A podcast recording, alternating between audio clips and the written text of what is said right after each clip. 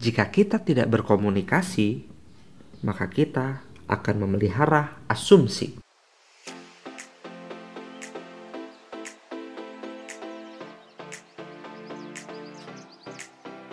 Assalamualaikum warahmatullahi wabarakatuh. Ketemu lagi sama saya di podcast JDA, Jodoh Dunia Akhirat. Ngomong-ngomong ngebangun uh, pasangan kita jadi jodoh dunia akhirat itu menantang ya. Karena ini adalah lifetime proses.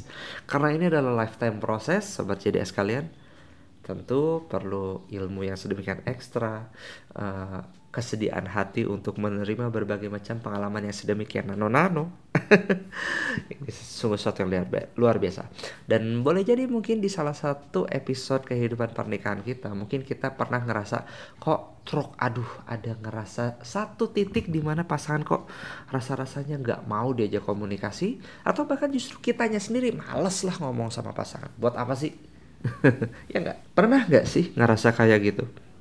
misalkan kita ngerasain ih kenapa sih pasanganku kok kayaknya nggak nyaman banget buat diajak ngobrol sama aku ya nah mari kita lihat satu-satu di satu sisi sobat jadi sekalian sependiam-pendiamnya manusia yang namanya manusia itu dia butuh ngobrol dia butuh bicara karena apa? Coba aja sekarang kita bayangin deh. Bayangin ada orang yang kita sebut mungkin orang gila. Ada orang gila atau orang yang bunuh diri. Sebelum dia gila, sebelum dia bunuh diri, orangnya biasanya banyakkan gimana sih? Banyakkan bicara atau banyak diam? Nah, sebenarnya saya nggak tahu jawaban Anda apa nih. Tapi saya asumsikan Anda bakal jawab banyak diam. Soalnya saya nanya juga ke banyak peserta seminar saya tuh. Jawabannya tuh banyak diam. Nah, banyak diam kan? Setelah gila justru malah jadi banyak bicara. Gitu. Ternyata karena ternyata apa? Ketika seseorang tidak punya tempat curhat suara-suara di dalam kepalanya tuh bakal super super super duper berisik banget. Bakal jadi berat banget. Gitu kan? Itu tanda bahwa apa? Manusia tuh butuh curhat. Karena sekali lagi kalau nggak ngomong nggak ada tempat buat bicara isi kepalanya sedemikian berisik pundaknya sedemikian berat dan rasanya aduh itu bisa melelahkan banget.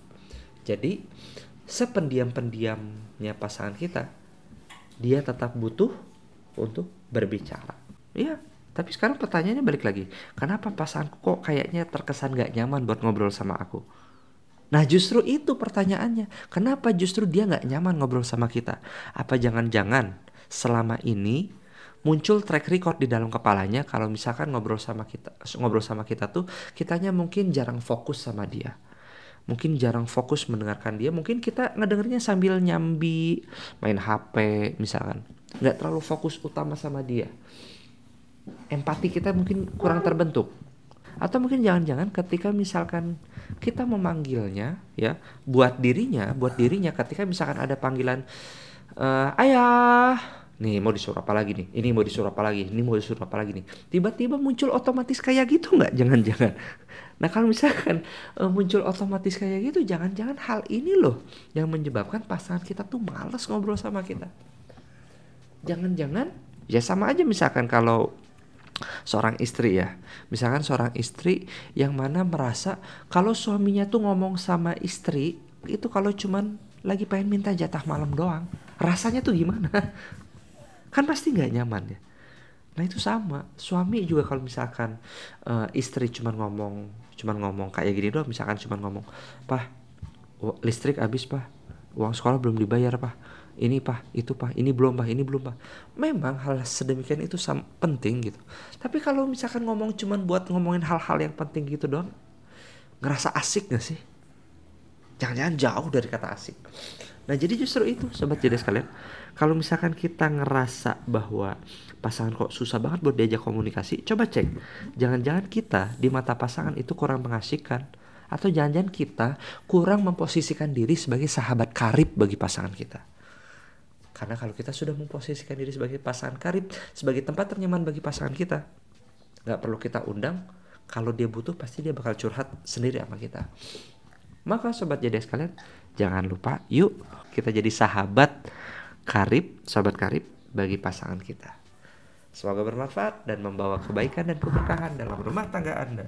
Wassalamualaikum warahmatullahi wabarakatuh.